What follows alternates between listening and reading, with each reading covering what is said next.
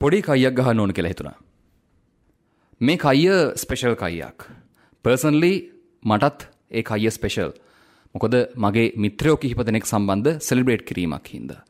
ඒ වගේම social media ඇතුලේ ගත්තත් YouTube ඇතුලේ ගත්තත් මේක ස්පෙෂල් මයිල්ස්ටෝන්යක් සෙලිබ්‍රේට් කිරීමක්.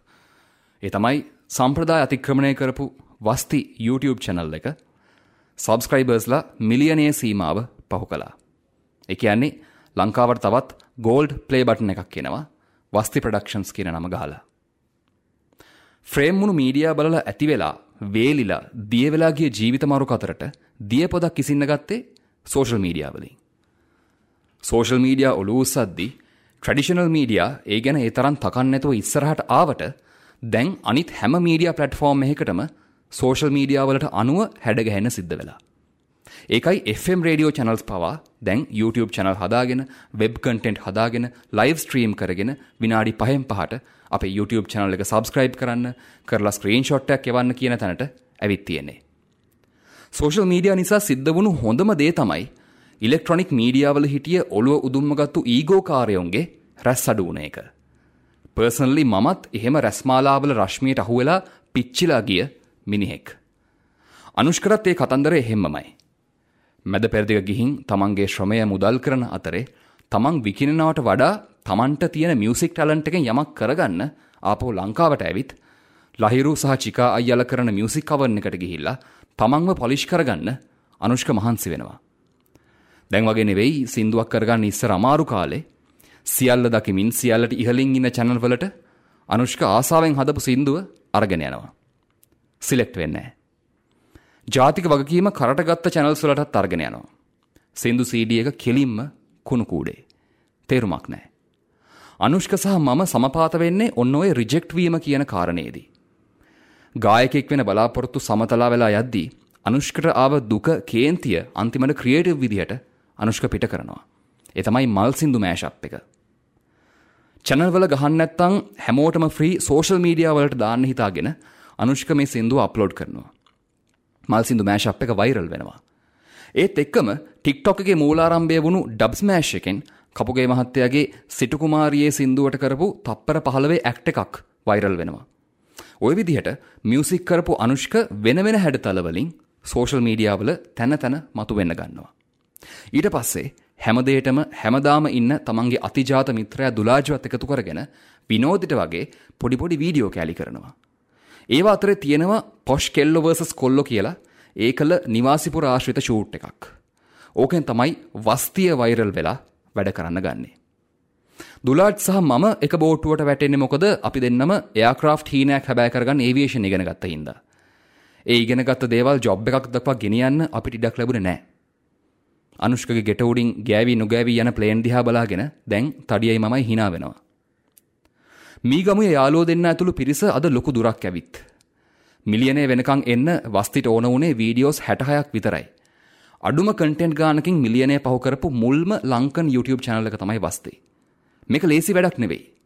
හොඳ අවුට්පුට් එකක් එන්න වීඩියෝ හදන එකේ ඉඳලා එතනින් එහාට තමන්ව බ්‍රෑන්ඩ් කිරීම බිස්නස් කතා කිරීම දක්වා යද්දී හැමෝම සතුටින් ආව ගමනකුත් නෙවෙයි. හිත් තමනාපකම් ප්‍රශ්න හැම දෙයක්ම බැලන්ස් කරගෙන කඩේ යැවින් විඳදරාගෙන ආව ගමනක්. වස්ති අන්තිමට දාපු උගේ අප්පගේ මහගෙදරින් කවර් කළෙත් ටික කාලෙකට කලින් එක්තරා channel එකක් වස්තිලාගේ කාලය, ශ්‍රමය, මුදල්, පෙට්‍රල් නාස්ති කරලා, රස්තියාදු කරලා බොරු බලාපොරොත්තුවක් දීලා ටැලන්ට් එක හූරන් කාලා අමතක කරපු සිද්ධියක දැවැන්ත ඇරියස් එකක්. ඒ දාපු පඩලයින් ඔක්කොටම හිලව් වෙන්න පඩබස්සන්න කරපු වැඩක්. ඒ ක්‍රියේටිව් වැරියස් කවර් කිරලට මං කැමතියි. ඒ වගේම වස්ති කන්ටෙන්ට් වලත් උස් පහත් වීම තියෙනවා. හැම එකම අපිට සෙට් වෙන්නෙත් නැහැ. සමහර ඒවා වාව් කියද්දි තවත් සමහර ඒවා ඇයි කලේ කියලා අපිට ප්‍රශ්න කරන්න හිතෙනවා. මං හිතන්නේ කන්ටෙන්ට් ක්‍රියේටර් කෙනෙක් වෙනවා නම් එන ඕන රෙස්පොන්ස් එකකට ලෑස්ති වෙලා ඉන්න ඕන. මොකද ඕන කන්ටෙන්ට් එකක් කොයි පැත්තට කැරකේද කියලා අපිට పూర్වයේ නිගමනය කරන්න බැරි නිසා. හැබැයි එන ඕනම චෝදනාවකට ඕන රෙද්දක් බං කියලා ඊළඟ වැඩේට යන්න අනුෂ්කටයි දුලාෂ්ටයි හිත හදාගන්න පුළුවන් කියන එක මම දන්නවා. වස්තිමේ ගත්ත චීව්මන්ට් එක ලොකු මෝටිවේෂන් එකක්. කිසිම විදිහක රෙකග්නීෂන් එකක් නොතිබුණු ඒත් ටැලන්ට් එක තිබුණු. නමුත් ටැලන්ට් එක පෙන්වන්න chance එකක් නොතිබුණු.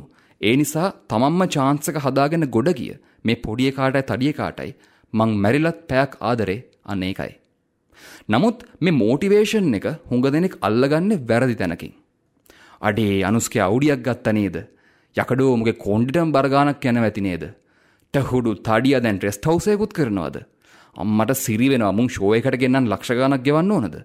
අම්මා ගහේ මුන් මිලියන් ගණන් views ගන්න විදිහට රිවෙනිව් වෙනවා ඇති මාසෙට ලක්ෂ 20ක්වත්.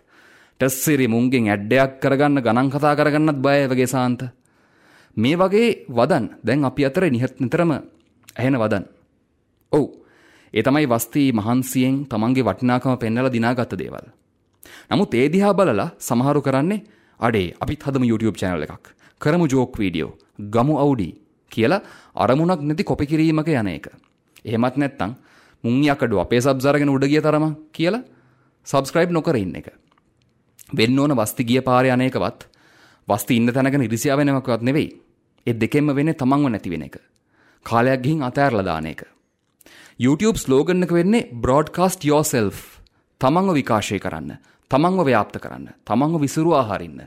තමන්ගේ ටැලන්ට් එක එළියට දාන්න මේක ප්ලැට්ෆෝම් එකක් කරගන්න. එතකොට කාලානුරූපීව ලැබෙන දේවල් ලැබේවි. මිලියනෙන් එහා වස්ති ගමන කොහොම වේද කියන්න තාම මන් දන්නේ නැහැ. සමහර විට අනුෂ්ක හැමදාම කියන්න වගේ මෙව නැති වුණොත් කුමරක් කොටාගෙන පාඩුවේ පැත්තකටලා ඉඳීවි. එහෙම අත්හැරීමකට ඇත්තටම ලෑස්ති වෙලා ඉන්නවා නම් අනුෂ්කගේ මයින්ඩ්සෙට් එක ගැන මං ඇත්තටම සතුටු වෙනවා. නමුත් එහෙම නොවේවා කියලා මං නිතර හිතනවා. එදා අනුෂ්කගේ සින්දුව රිජෙක්ට් කරපු අඩුකුලේ පරහැත්තට බොහොම ස්තුතියි. ඒ රිජෙක්ට් වීම උඩ පර්සනලි අනුෂ්කගේ ජීවිතේ වගේම වස්ති ටීම් එකෙත් ලංකාවේ සෝෂල් මීඩියා වල දිශානතිය එහෙම් පිටින්ම වෙනස් වුණා. ලංකාවට වෙනම ඉන්ඩස්ට්‍රියක් හැදුනා. වෙනම මාකට් එකක් හැදුනා. අලුත් කොල්ලන්ට කෙල්ලන්ට වටිනාකමක් හැදුනා. නාස්ති නොවී ශාස්ත්‍රයේ හරියට යොදාගෙන වස්ති බ්‍රෑන්ඩ් එක උඩට ආවා. සම්ප්‍රදාය තිත්ත වෙලා බඩේ රුදාව හැදුණු අයට දීපු හොඳම අතික්‍රමණ විරේකයට ජය. තවත් දවසක මුණ ගැහෙමු.